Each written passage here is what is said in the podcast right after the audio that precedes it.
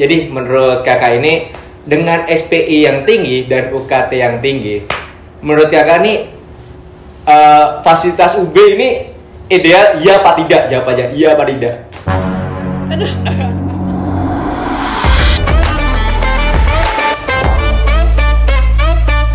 Kembali lagi dengan podcast Perhub Santai. Daripada penasaran, langsung aja yuk dengerin episode kali ini.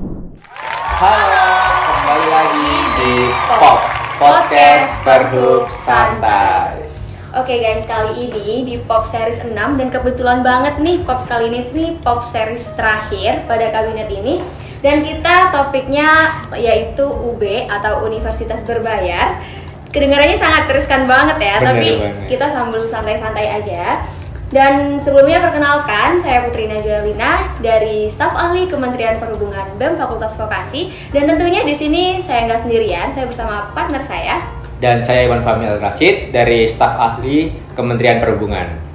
Oke, dan tentunya kita di sini juga kedatangan tamu-tamu spesial yang ada kakak yang cantik banget ini dan kakak yang cakep nih. Mungkin dari kakak yang cantik ini deh bisa berkenalan terlebih dahulu. Oke, halo semuanya. Kenalin aku Medita Darneswara. Aku dari Fakultas Ilmu Sosial Ilmu Politik, jurusan Ilmu Pemerintahan angkatan 2020. Di sini alhamdulillah aku diamanahi jadi Wakil Menteri Kementerian Luar Negeri BPC UB. Wah keren banget nih tamu kita kali ini. Kita langsung beralih ke kakak satunya nih. Oke, Eh, perkenalkan eh, kawan-kawan semua, Eh, namaku Sugiarto Mustaqim, biasanya dipanggil Ugi. Eh, aku dari Fakultas Vokasi, Program Studi Keuangan dan Perban- Perbankan, bidang bidang keahlian perpajakan. Dan untuk eh, periode ini, alhamdulillah lagi eh, bantu-bantu di eksekutif mahasiswa Kementerian Kebijakan Wilayah dan Nasional. Waduh keren-keren Keren, banget keren. kan tamu kita kali ini.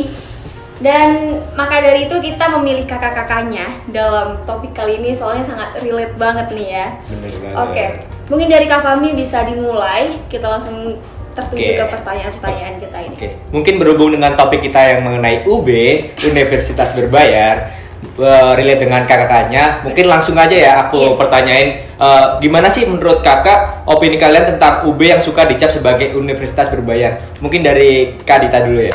Oke, kalau dari aku sebenarnya kalau misalnya emang ada stigma yang muncul ke UB sebagai universitas berbayar itu gak salah ya karena ada beberapa tarikan yang selama ini aku perhatiin juga. Yang pertama itu eh, PTNBH deh. PTNBH kan udah kita tahu terutama di tahun lalu.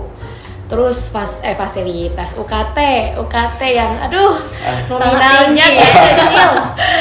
UKT, terus yang ketiga itu terkait eh, kuota mandiri yang makin gede juga kan di tahun 2022. Bener banget nih. Nah, dengan kuota mandiri itu menurut aku itu faktor terbesar juga sih karena dengan kuota mandiri yang besar otomatis kan eh, mahasiswa UB itu berasal dari kelas-kelas yang eh, sorry to say kayak menengah ke atas Iya, kan dengan kuota mandiri yang tinggi. Sedangkan dulu tuh UB juga ini aku sedikit cerita juga dari teman-teman kastrat di BVSIP Iya. mereka itu bilang kalau UB itu dulu dikenal sebagai kampus yang inklusif gitu. Jadi UB itu mayoritas berasal dari eh, apa?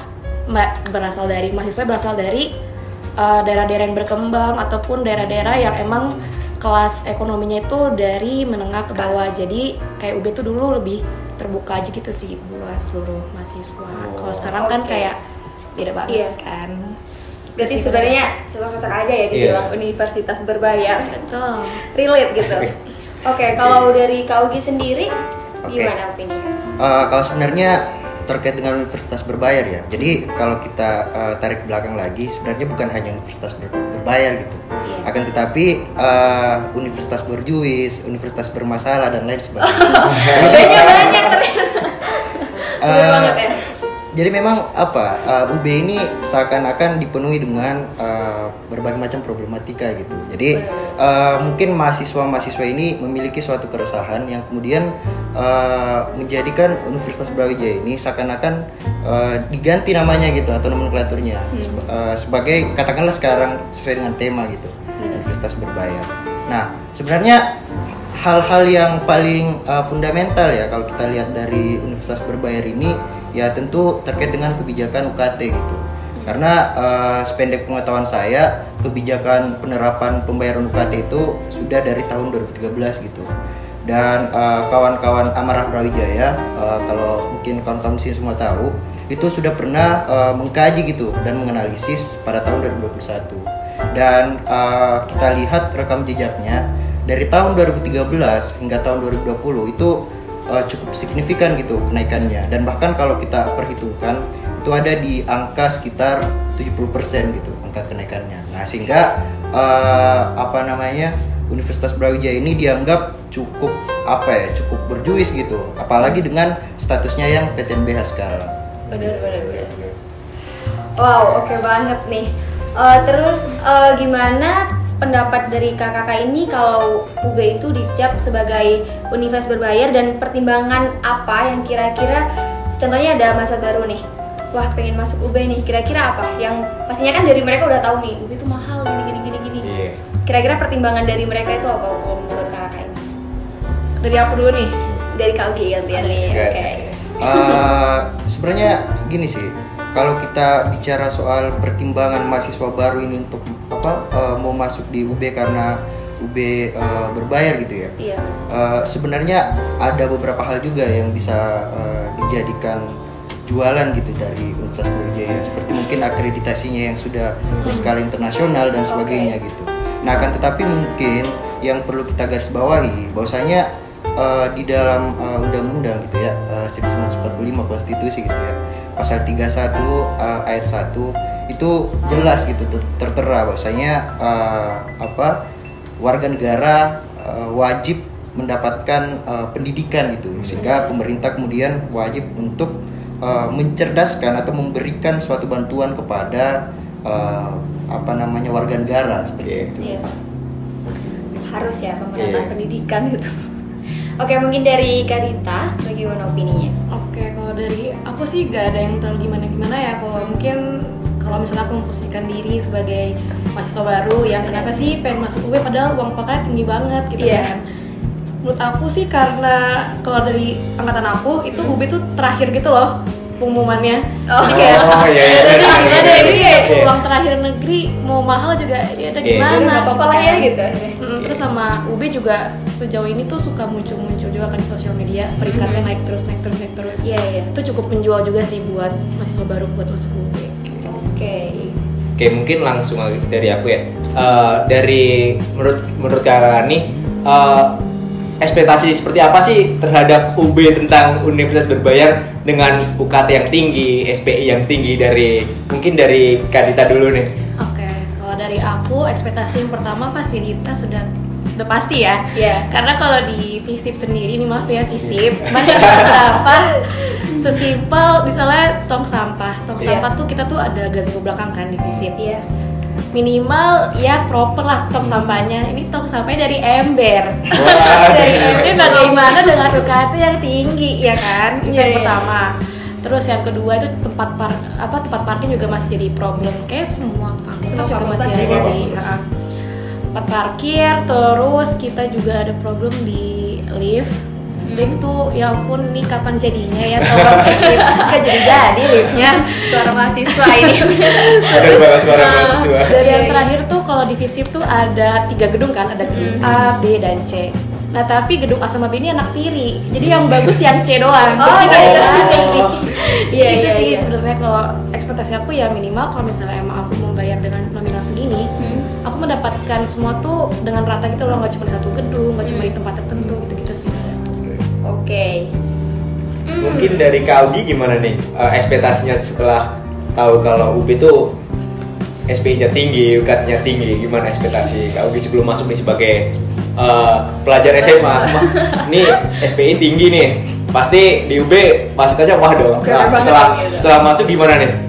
Uh, sebenarnya ekspektasi nggak jauh beda sih. Jadi uh, kalau mungkin kita lihat ya, uh, bukan hanya universitas berbayar gitu, akan tetapi ada juga beberapa argumentasi atau kritik seperti mungkin kampus uh, elit parkiran sulit ya. Wah, iya. mungkin aku coba sodorin gitu ya ke parkiran. banget ya.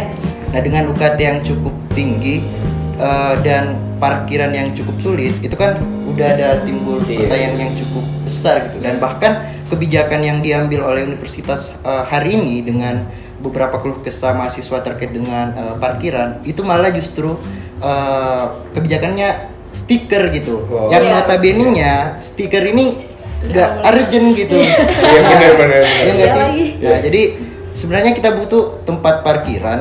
Kenapa kok kuantitas daripada kendaraan yang dikurangin gitu? Nah, sehingga eh, apa ekspektasiku tuh apa ya cukup eh, rendah gitu lah di eh, tinggi tapi eh, implementasinya atau realisasinya nggak selaras gitu Iya, benar. Oke, mungkin dilihat dengan lingkungan UB yang seperti itu, apakah benar sih kak kalau ada pertanyaan, eh, pernyataan kalau UB itu sebenarnya hedon hedon gitu? Kayak anak-anaknya dengan gaya tinggi, ya seperti yang kita tahu ya, kayak di Malang Bener-bener. pasti anak UB nih, kayak gini Iya. modelannya pasti anak UB, kayak gitu kan? Gimana nih menurut Kak Dita? Ah, kalau- kalau menurut aku kalau ini definisi hedon menurut aku tuh kalau yang udah kelihatan dia bawa transportasi apa ya ke Iya. kampus Iya, benar-benar. Dan sepenglihatan aku ya cukup banyak. Ya, tiba-tiba bawa kunci mobil di sini ya kan? Oke, Itu banyak. jangan jadi gitu kalau ya. misalnya itu balik lagi sih ke yang pernyataan aku di awal. Mungkin pengaruhnya itu dari kuota mandiri itu lagi sih. Jadi kayak dengan kuota mandiri yang semakin meningkat ya otomatis yang mahasiswa juga berasal dari kelas ekonomi yang menengah ke atas Iya, gitu kan. jadi kalau misalnya mau dibilang banyak nih mahasiswa-mahasiswa yang hedon, yang bawa mobil, yang Hmm. kalau ditanya sepatunya 15 juta itu ya ya Allah Iya, banyak bener, ya. bener. Lu. Jajan pun kayak kita kan kalau misalnya tahunya anak ngekos tuh makan Indomie, makan Iya, bener. Jadi banyak juga kan yang makan selalu all you can eat. Bener, gitu tuh UB tuh udah kayak gak lihat Bener masa banget. anak kos ini jajan ngekos apa jajan gimana? Iya.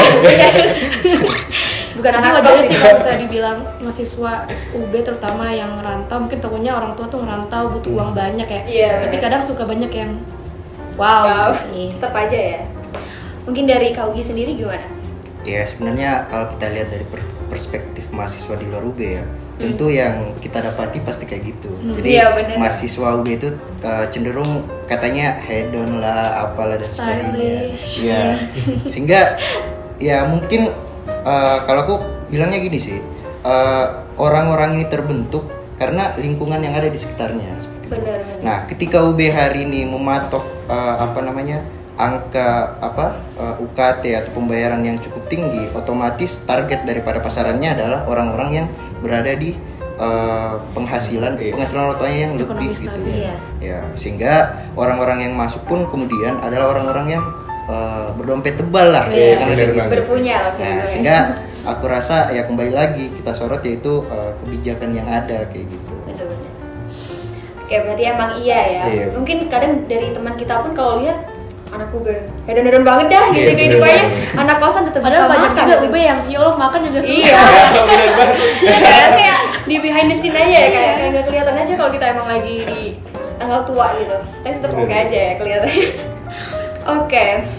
Oke, eh, mungkin selanjutnya eh, berapa sih dengan eh, UB yang dicap dicap anak hedon? Berapa sih biaya yang yang diperlukan sebagai mahasiswa UB sebagai anak rantau di Malang atau kuliah di UB yang dicap anak hedon? Iya, berapa nih? Ini siapa dulu ya? Kalau Iya. dulu deh. Waduh, ini eh, apa ya? Penga- pengeluaran atau pengeluaran per bulan atau gimana nih? Bisa pengeluaran Bisa ya. pengeluaran. Mungkin nambah-nambah biasanya transfer lagi dong, Pak gitu. Iya. Iya kan? Bener banget sih. Kalau aku sebenarnya eh, kalau dihitung per hari ya tiga puluh ribu pun cukup gitu. Hmm. Nah tapi mungkin paling banyak biasanya seratus ribu gitu. Nah kalau aku sendiri eh, yang udah hampir 2 tahun ya eh, kuliah di Malang di UB eh, jajanku itu cuman nggak usah dibuka lah kan ya. Iya. ada di kisaran eh, apa 300 ribuan lah per minggu gitu karena patokanku memang ada di eh, per mingguan gitu Hmm. nah jadi mungkin eh, apa ya untuk hidup eh, di lingkungan Universitas Brawijaya itu mungkin saranku eh, kawan-kawan juga semua harus tahu gitu di mana kemudian kita eh, pantas bergaul bagaimana kemudian kita Iya. bergaul dengan sesuai dengan gaya hidup kita dan sebagainya jadi jangan coba kalian bergaul dengan eh, memaksakan kehendak gitu Bener. kayak gitu Oke, kita harus sesuai dengan Iya. apa yang kita adanya ya. Jangan jangan lebih-lebih kayak bisa banget tuh. Oke, kalau dari Kadita sendiri gimana? Kalau dari aku kurang lebih sama sih tadi kayak uh, Ugi juga. Kalau paling mentok-mentok 100 ribu tuh yang udah pakai order makan mulu gitu Iya, kan. Cuma bener. kalau misalnya pintar-pintar pilih makanan juga bisa kok 30 ribu udah Iya, ya iya. Allah alhamdulillah syukurilah gitu. kalau misalnya sebenarnya tuh yang berat tuh di transport sih karena aku nggak bawa motor Oh, juga iya. kan. Jadi bolak-balik tuh bisa sampai 20 ribu dari kampus ke Kerasa banget ya. Iya, jadi kayak yaudah deh kalau ada temen bawa motor, nebeng dong gitu kan. Iya. Saya tuh ya apa sih sebut Iya, makan sekali. Bener ya. Nanti Iya, bisa dicek kurang di Gojek berapa per tahunnya. 50 juga cukup, 100 juga udah alhamdulillah banget sih kalau 100 ribu per sehari. Oke. Em, terus menurut kakak nih ya, dengan pembayaran UB yang segitu besarnya, apakah udah eh, setimpal lah dengan fasilitas yang ada?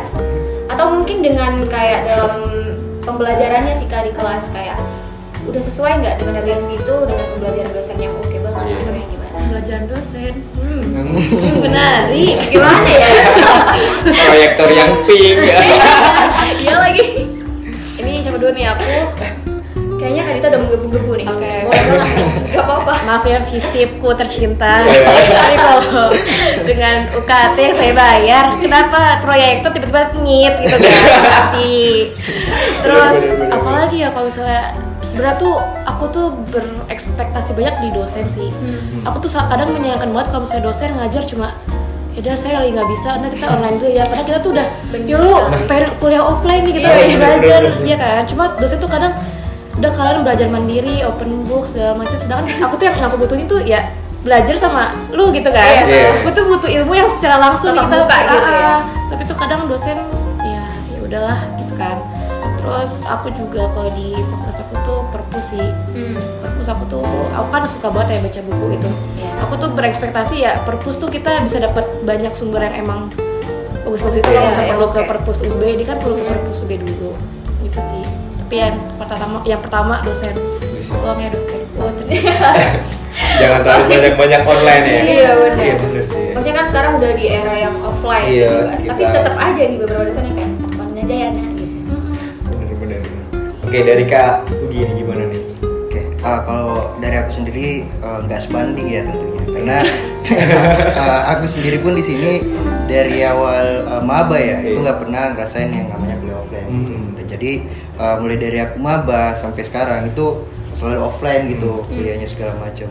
Dan itu pun uh, online pun kita nggak pernah uh, dibantu gitu dengan bantuan kuota dan sebagainya. Nah sehingga kita kita ini yang bayar secara full uh, UKT ini nggak mendapatkan fasilitas yang mumpuni gitu. Nah itu yang pertama. Lalu yang kedua uh, uh, hari ini kan acuan kerangka hukum daripada uh, UKT itu kan Pertor 40 nomor uh, tahun 2020 gitu. Yang mana uh, Pertor ini lahir di saat kondisi pandemi gitu. Nah tapi uh, Pertor ini tidak ada satu pasal pun dan satu ayat pun yang menjawab terkait dengan problematika UKT hingga hari ini. Jadi lahirnya pertor ini uh, cenderung subjektif gitu.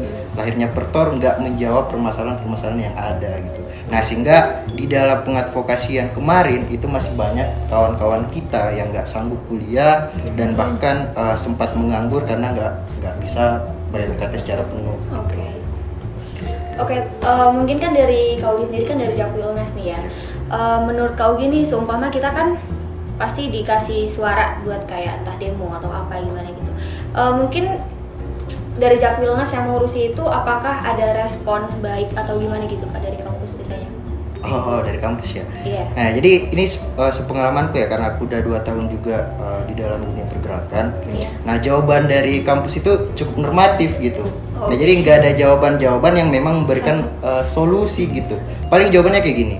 Uh, kita udah berusaha semaksimal mungkin, ada, Diplomatis iya diplomatis gitu. Iya. Uh, semua mahasiswa UB udah kita usahain buat bantu gitu. Hmm. Tapi realitas yang ada di lapangan itu enggak gitu. Hmm. Nah, aku kasih contoh deh kayak gini. Eh, di semester kemarin, Hmm. ini eh, fakultas vokasi Hmm. itu ada sekitar kalau nggak salah ada 300 orang tuh yang eh, apa mengajukan eh, bantuan UKT gitu. Hmm. Akan tetapi bantuan yang diberikan itu hanya sekitar eh, sepuluhan mahasiswa kalau nggak salah. Iya. isu yang ya, isu yang ada gitu.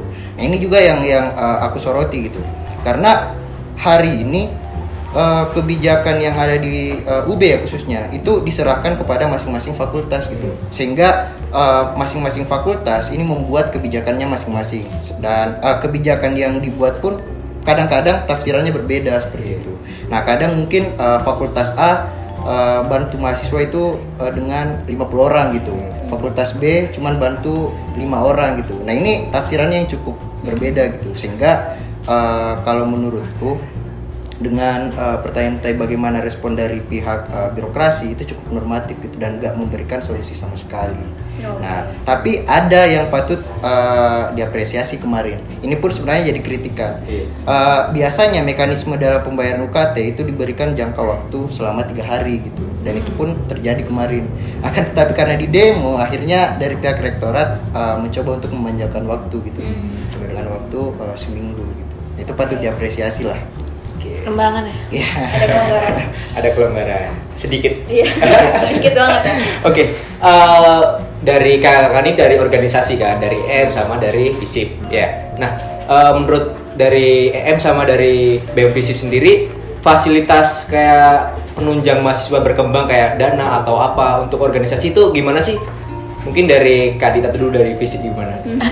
Ini kayak fisik kayak lagi napas mulu ya.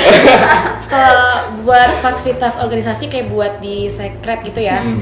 Itu eh, gimana dari skala 1 sampai 10 ya 4 lah ya.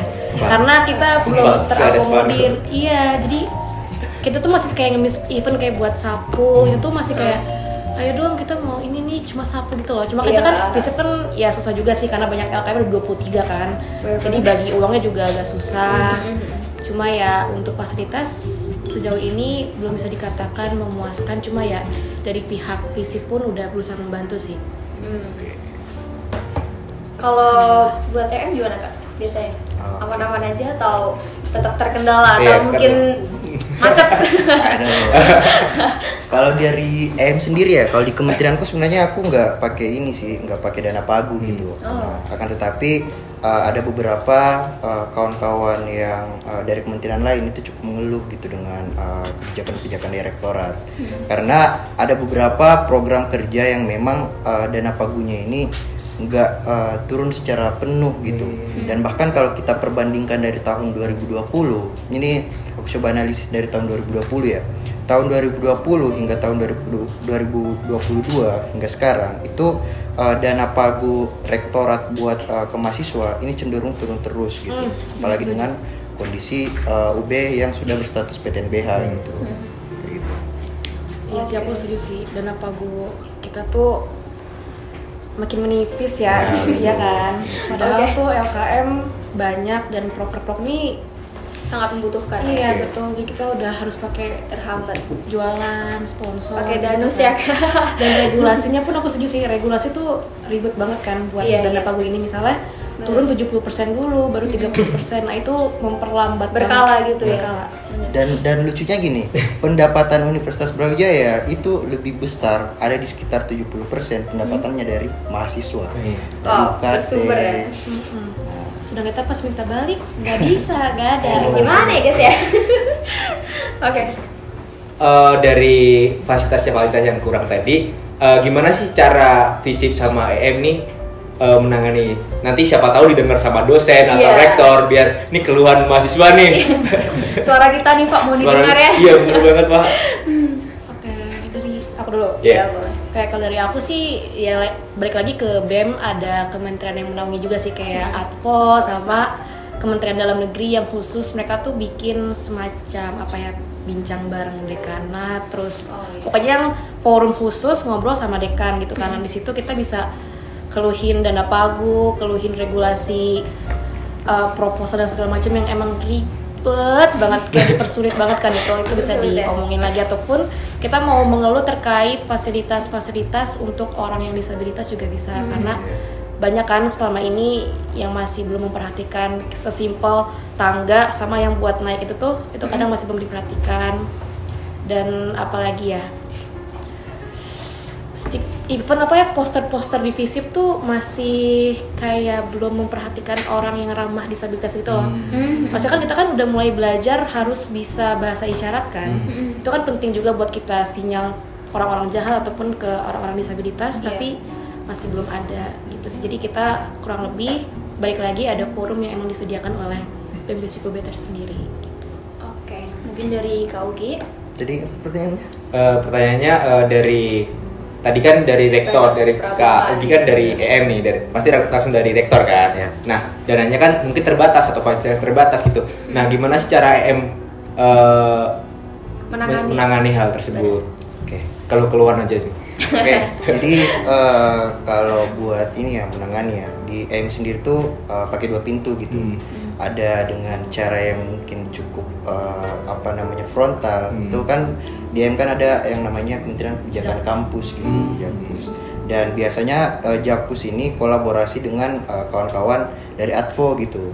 Eh, buat apa? Mencoba mengadvokasikan eh, apa namanya dana-dana yang ada di rektorat seperti itu. Dan mungkin secara teknisnya mungkin eh, hampir sama tadi dengan yang udah dikatakan Dita dengan melalui mekanisme advokasi, mediasi dan bahkan mencoba buat eh, diskusi publik dan bahkan ada tanda eh, apa mencoba buat memberikan tanda tangan kontrak dengan eh, pihak rektorat kemarin ketika pemilihan gitu dan ada juga cara-cara yang eh, cukup baik gitu seperti kalau di EM itu ada Kementerian BUMN. Nah BUMN ini eh, secara apa namanya cara pendarian pencarian dananya itu eh, apa menjual lah atau eh, apa membuat suatu usaha-usaha dan eh, dana yang dihasilkan dari BUMN BUMN ini bisa dipakai untuk menutupi eh, apa namanya dana yang dana dari kementerian yang kekurangan seperti itu. Oh gitu.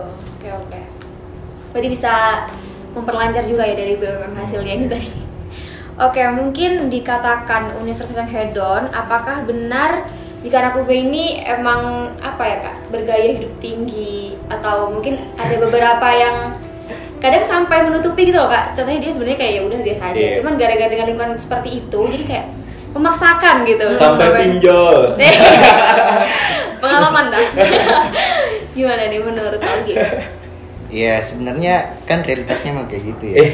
Banyak sekali memang eh, mahasiswa-mahasiswa yang enggak eh, katakanlah mungkin masih cenderung berada di ekonomi menengah gitu Iya. kan tetapi di lingkungan sekitarnya berada di eh, ekonomi ke atas gitu. Nah, sehingga walaupun eh, dia mencoba untuk eh, berada di status quo-nya gitu, berada di keadaannya, akan tetapi dia eh, bergaul dengan orang-orang yang berada di ekonomi di atas, otomatis kan eh, apa? Cap yang ada di dia adalah oh dia mampu gitu segala macam. Oke. Padahal kan secara spes- spesifik ke orangnya kita nggak tahu gitu.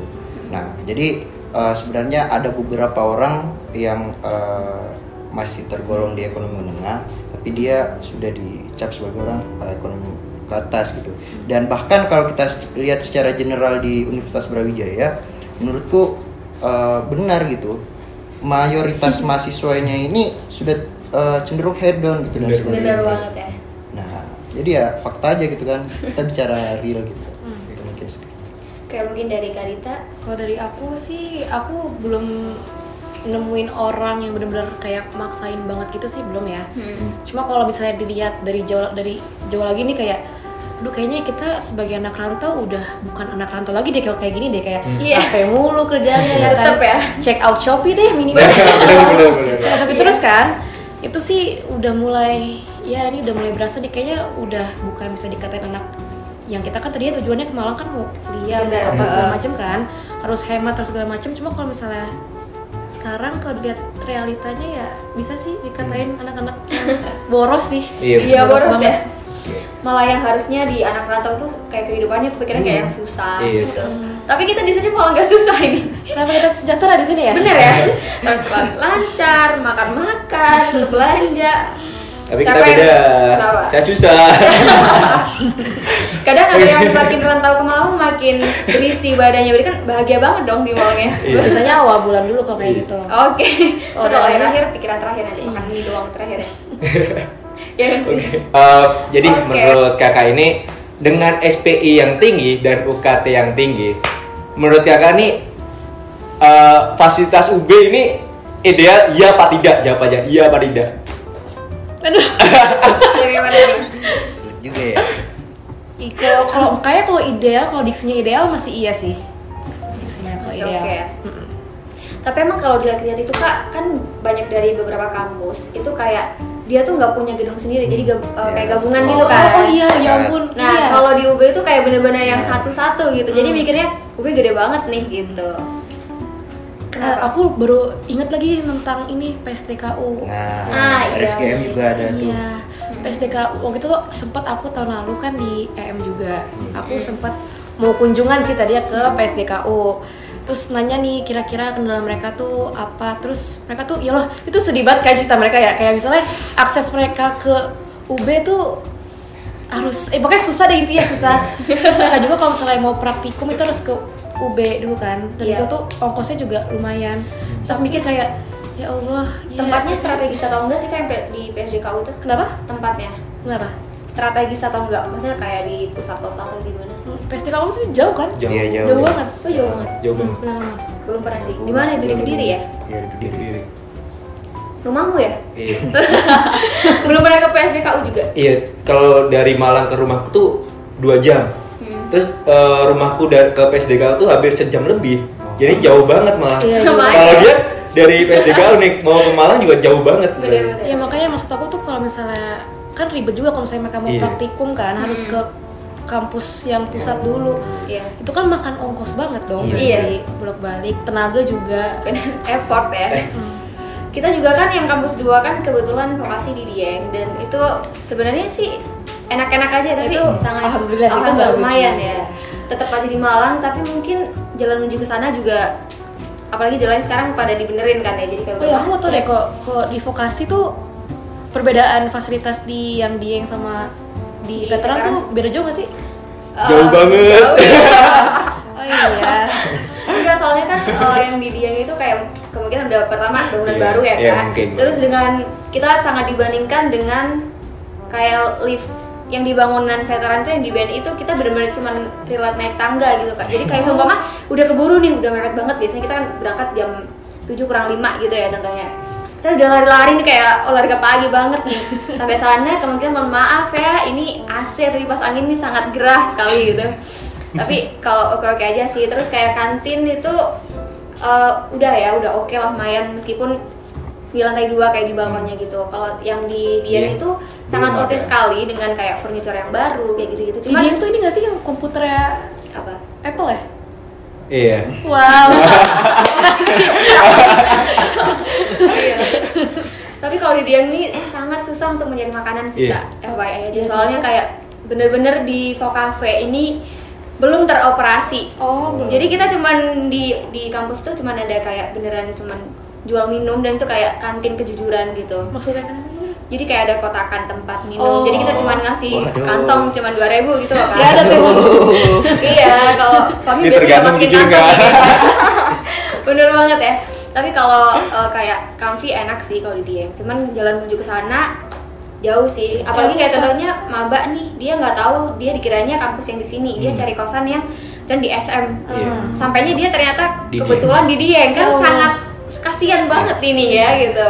Soalnya aku pas yang kita Iya, kunjungan tuh iya, pas aku ke makanya orang-orang fisip nih yang aku bawa nih kayak ya Allah kami ini bagus banget gitu kan. Karena emang bagus banget ini dia. Iya, bagus ya. Ini kom- Sampai liatin komputer kayak gak pernah liat komputer.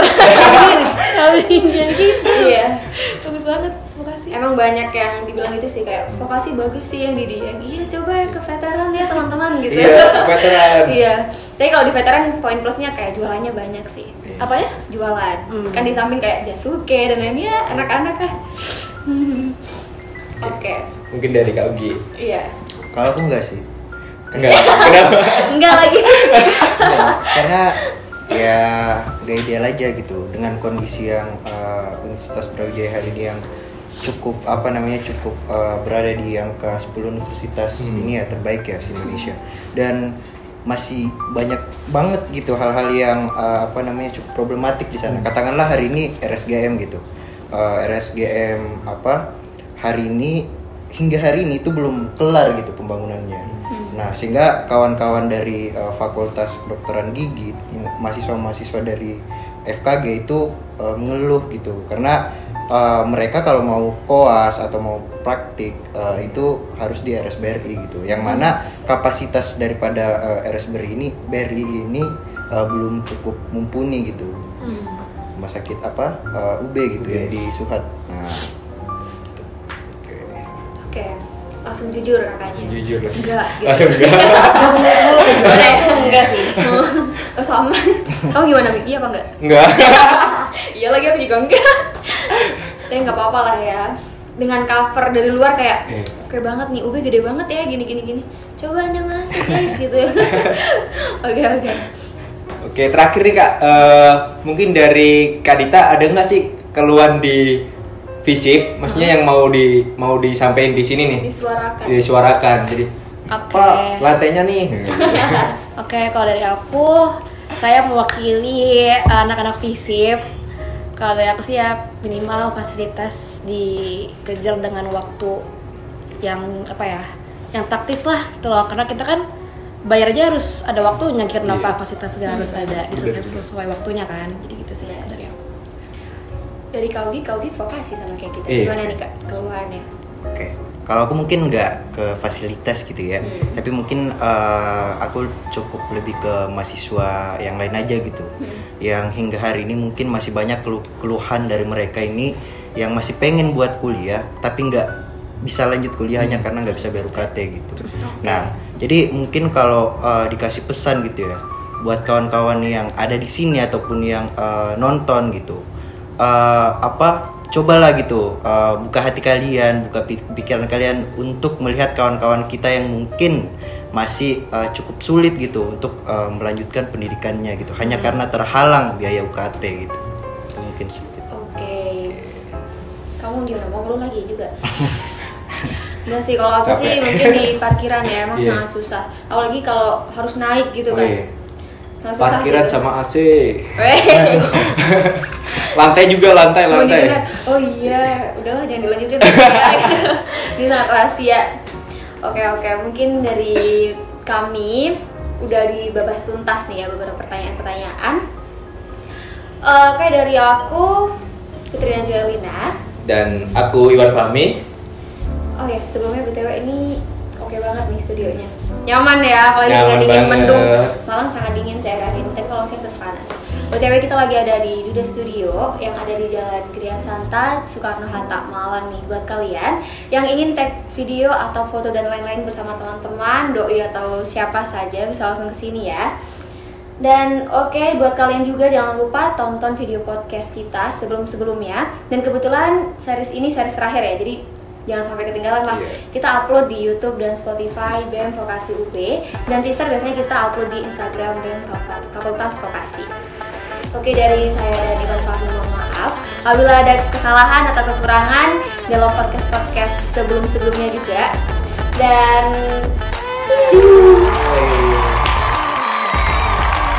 Terima kasih telah mendengarkan podcast Korup Santai. Jangan lupa share konten kami lewat sosial media kamu. Kalian bisa cek konten menarik lainnya di Instagram, Spotify, dan YouTube BEM Vokasi UB.